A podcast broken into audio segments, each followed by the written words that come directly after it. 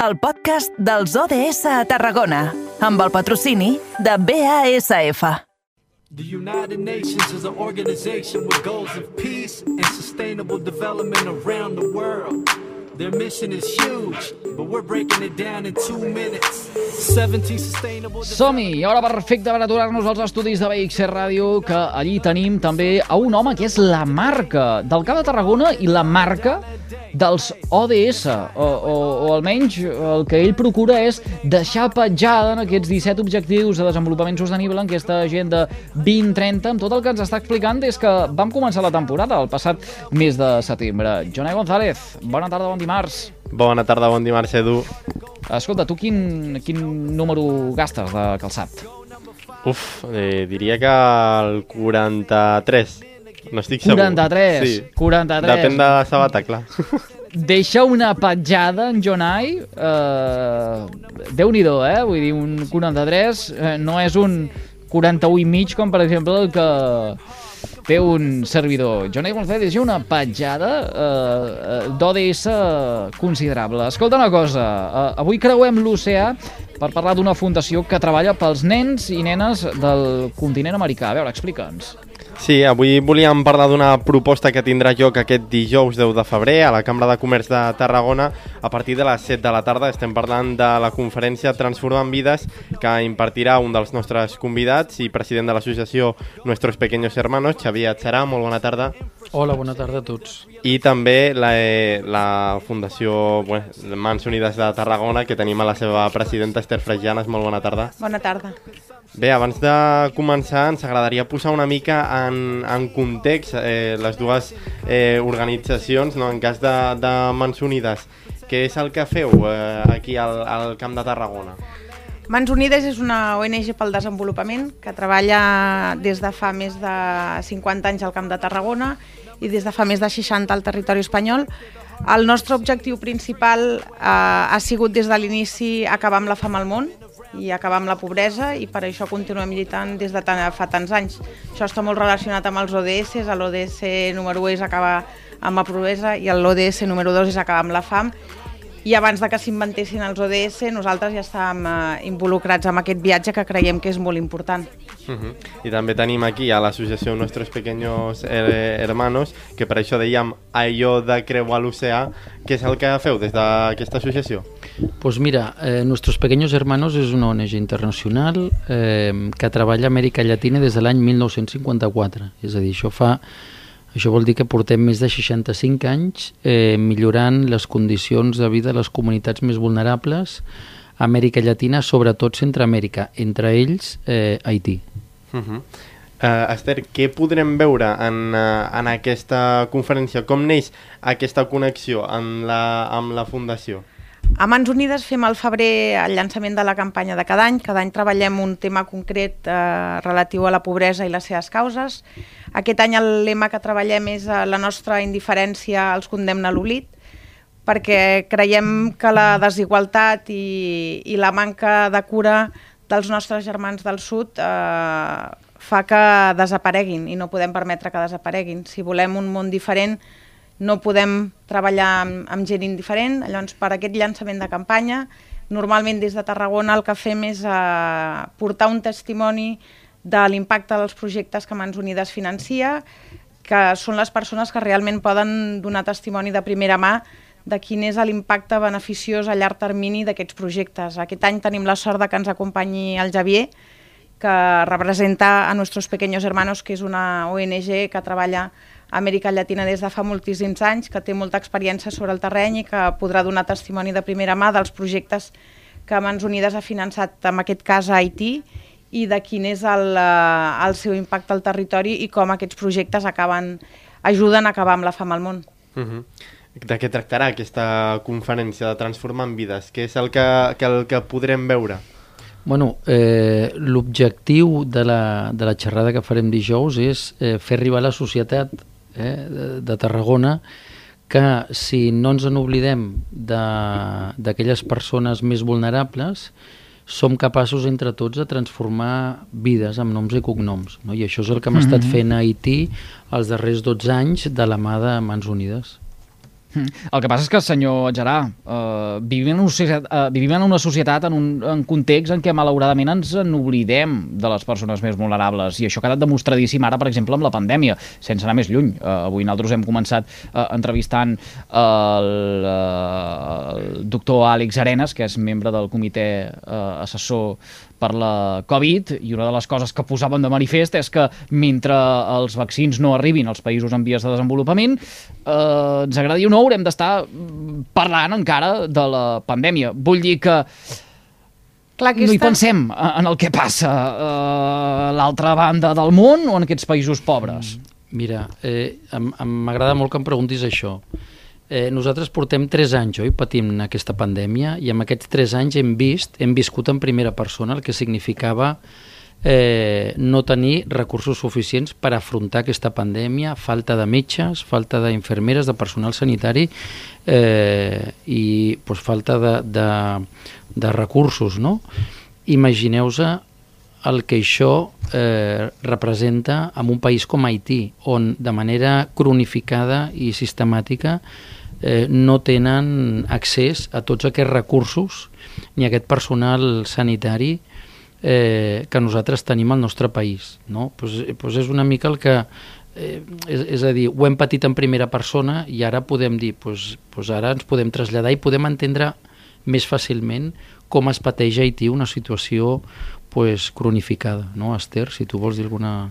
Efectivament, nosaltres aquí podem escollir si ens posem la vacuna o no ens la posem, per responsabilitat jo crec que ens l'hem de posar i estem amb ràtios de vacuna de 80, 70, 90 i tenim aquesta sort. Amb els països del sud no poden escollir eh, si posar-se-la o no perquè no tenen accés. El rati amb els països amb els que treballa Mans Unides eh, és de 9 persones de cada 100 o inferiors. És a dir, el gran problema és que no tenen accés i amb, amb això estem tots involucrats. Vull dir que canviar la nostra societat és uh, cosa de tots. Mm -hmm.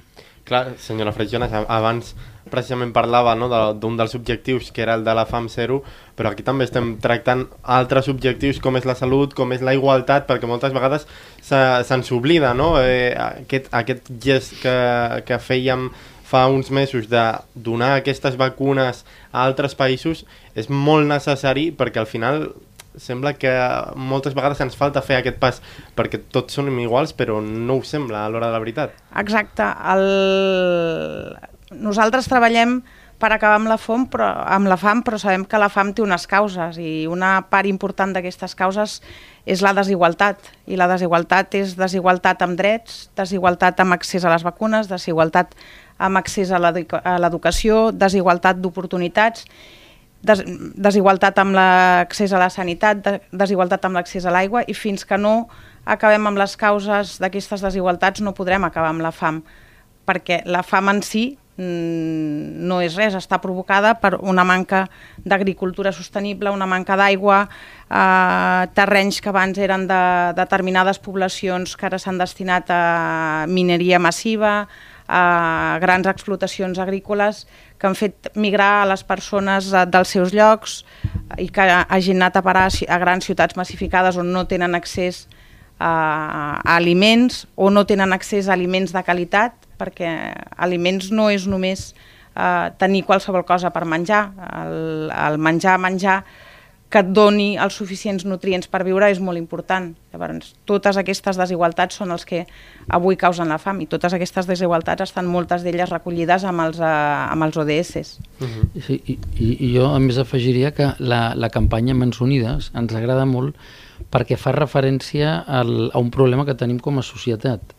Eh, normalment donem resposta a les emergències, però un cop passen les emergències ens n'oblidem del que està passant al món mm -hmm. i al nostre voltant. Podríem posar els exemples dels terratrèmols, per exemple, no? quan per passa exemple, una desgràcia. No? Quan, quan hi ha un gran terratrèmol a Haití, doncs tot el món es, es volca. No?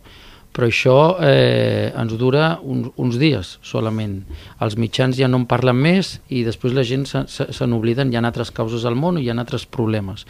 El que ens falta realment és conscienciar la societat i comprometre'ns com a societat amb, amb aquests països més vulnerables. No? I per canviar, eh, quan parlem en un món global, en un món global tots hem de tenir els mateixos drets eh, i hem de viure amb les mateixes, hauríem de viure amb, amb mm. les mateixes condicions de vida. No? I per mm. això i tot comença amb nosaltres mateixos, amb conscienciar i comprometre'ns amb la nostra vida. Senyor Geran, eh, nosaltres com a societat tenim una gran responsabilitat amb això que ara apunta, però mm. al final qui pot prendre decisions i que pot incidir o que eh, pot fer que hi hagi un punt d'inflexió són els, eh, són els eh, eh governs. Eh, és a dir, eh, ara no disposo de dades, eh, però allò que hem mm. apuntat eh, tantes vegades, si els països rics o destinessin un tant per cent del seu producte interior brut a ajudar els països que són pobres, eh, realment no parlaríem de nord i sud. Exactament. Per això necessitem conscienciar la societat que, que nosaltres eh, hauríem de ser capaços de fer entendre als governs que nosaltres volem un compromís molt més ferm del que ells ens han demostrat doncs, i si no, no els hem de votar a les properes eleccions.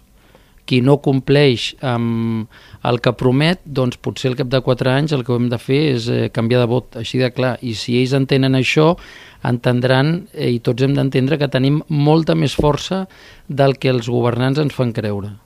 Mm -hmm senyora Frejanes, també volia parlar una mica sobre, sobre per què és important visibilitzar no, amb aquesta sèrie de, de conferències eh, i activitats que esteu preparant des de Mans Unides, per què és tan important visibilitzar-ho des de l'altra punta de, del món? Ho hem parlat una mica, no? però per, per què? Per què aquesta necessitat de fer-ho?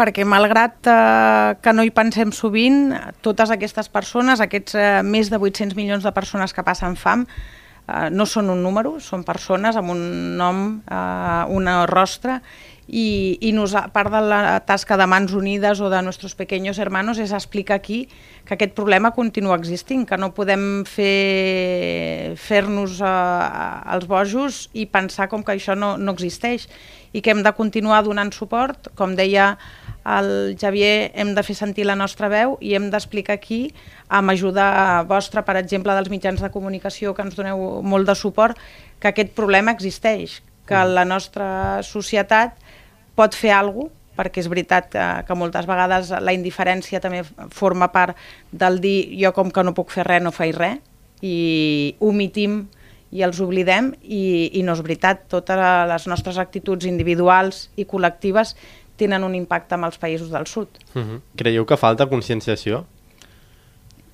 I tant, falta conscienciació. Eh, eh, eh, és a dir, és el que, el que dèiem abans, no? Hem de, eh, ens hem de comprometre'ns amb, amb el dia a dia. No? Ens hem de comprometre's amb el dia a dia. No ens podem comprometre solament quan hi ha una, una emergència humanitària, una catàstrofe com el terratrèmol del 2010 o el de l'any passat a, a Haití. I hi ha una responsabilitat col·lectiva, hi ha una responsabilitat dels governs, però això no, no ens eximeix a nosaltres com a persones individuals eh, de eh, pues, eh, fer via amb, amb, amb compartir i ser conscients de que tots podem fer alguna cosa eh, a nivell individual i també a nivell col·lectiu.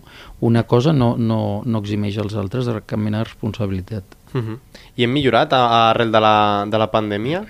O no s'ha notat, això? No, el, jo diria que tenim la sort com a entitat eh, que les xifres econòmiques no han davallat molt, però una vegada més, eh, una cosa és el que veiem aquí i una altra cosa és el que estan patint els països de pobres on treballem, és a dir, la situació en aquests països s'ha empitjorat moltíssim, les xifres de la fam han crescut amb més de 100 milions de persones en aquests dos anys de pandèmia, L'atur en aquests països ha crescut moltíssim, hi han moltes més dones en una situació precària que abans de la pandèmia, s'han tancat moltes escoles, no han tingut accés a la sanitat, tota aquesta situació s'ha degradat molt i recuperar aquesta situació de degradació de dos mm -hmm. anys no serà tan ràpid com aquí, costarà molt més, amb la qual la situació malauradament eh, hauríem de dir que, que ha empitjorat de totes maneres, jo crec que hi ha esperança, és a dir, jo sempre intento transmetre un, un missatge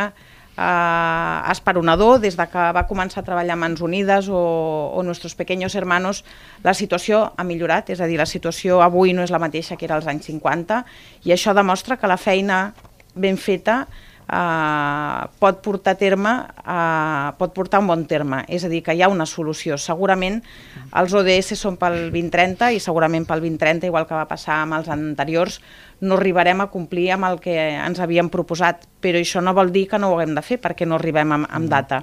Vol dir que ho hem de fer encara amb més eh, ganes i que si no és el 2030 arribarem al 2040 o al 2050, però entre tots i amb el nostre canvi d'actitud individual ho aconseguirem. Es pot fer, les xifres avui són millors que les que eren als anys 50. Mm.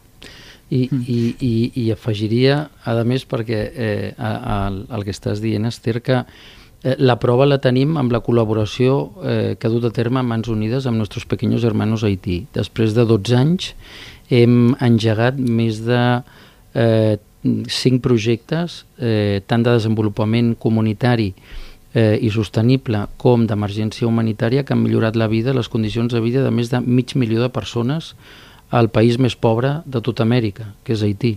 No? I això pues, eh, el que ens hauria de fer pensar és que quan ens comprometem pues, amb una entitat com, com Mans Unides, eh, som capaços de desenvolupar projectes concrets i transformar vides.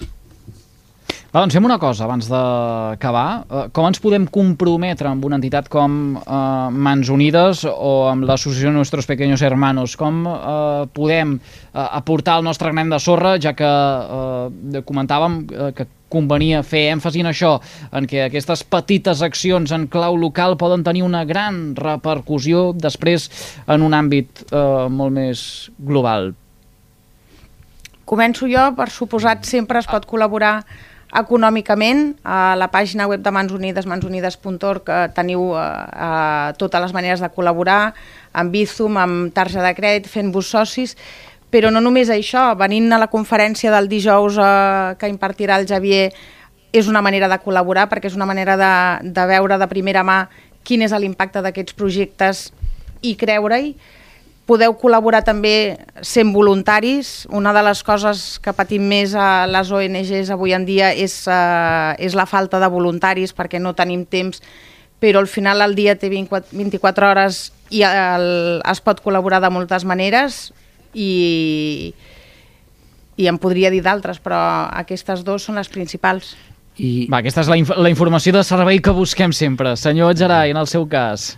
Bueno, jo afegir novament a el que diu l'Ester, col·laborant amb Mans Unides estareu col·laborant en projectes tan importants com el que hem fet amb, amb aquesta entitat, no? Mans Unides. Hem fet, eh, hem creat, hem fet que l'únic hospital pediàtric infantil que existeix a Haití 11 milions d'habitants, 3 milions de nens vulnerables, hem fet d'aquest hospital que sigui sostenible i que es pugui mantenir obert 24 hores al dia i 365 dies a l'any. Hem, fet un, hem desenvolupat un projecte d'inserció social eh, a través de l'esport al barri més conflictiu, perillós i empobrit d'Haití, que es diu City Soleil, amb un impacte espectacular sobre més de 300 famílies. Hem millorat les condicions mm -hmm. de vida, l'educació, salut, etc. Eh, I després hem construït, pues, hem fet projectes tan interessants com aixecar una piscifactoria on es produeixen més de dos tonelades de peix que donen de menjar a més de 90.000 nens malalts de l'Hospital Sant Damien i generen ingressos per més de 30 dones de la comunitat. I això es fa doncs, en petites col·laboracions com les que tothom eh, ha de fer arribar a mans unides. Moltíssimes gràcies per tota aquesta feinada que fan. Uh, sàpiguen que ens poden uh, fer servir com a altaveu, que ens tenen uh, de còmplices a l'hora de llançar aquests uh, missatges a la ciutadania del nostre territori per tal de poder actuar realment allí on tanta falta fa, sigui uh, Haití, amb els exemples que hem posat avui, o siguin d'altres països de, de tot el món. Agraïts de la visita, uh, Javier Gerà, president de l'associació Nuestros Pequeños Hermanos, i també Esther Frejanes, eh, presidenta de Mans Unides a, a Tarragona. Molt agraïts. Gràcies a vosaltres. Moltes gràcies a vosaltres perquè la vostra difusió també és una manera de col·laborar molt important.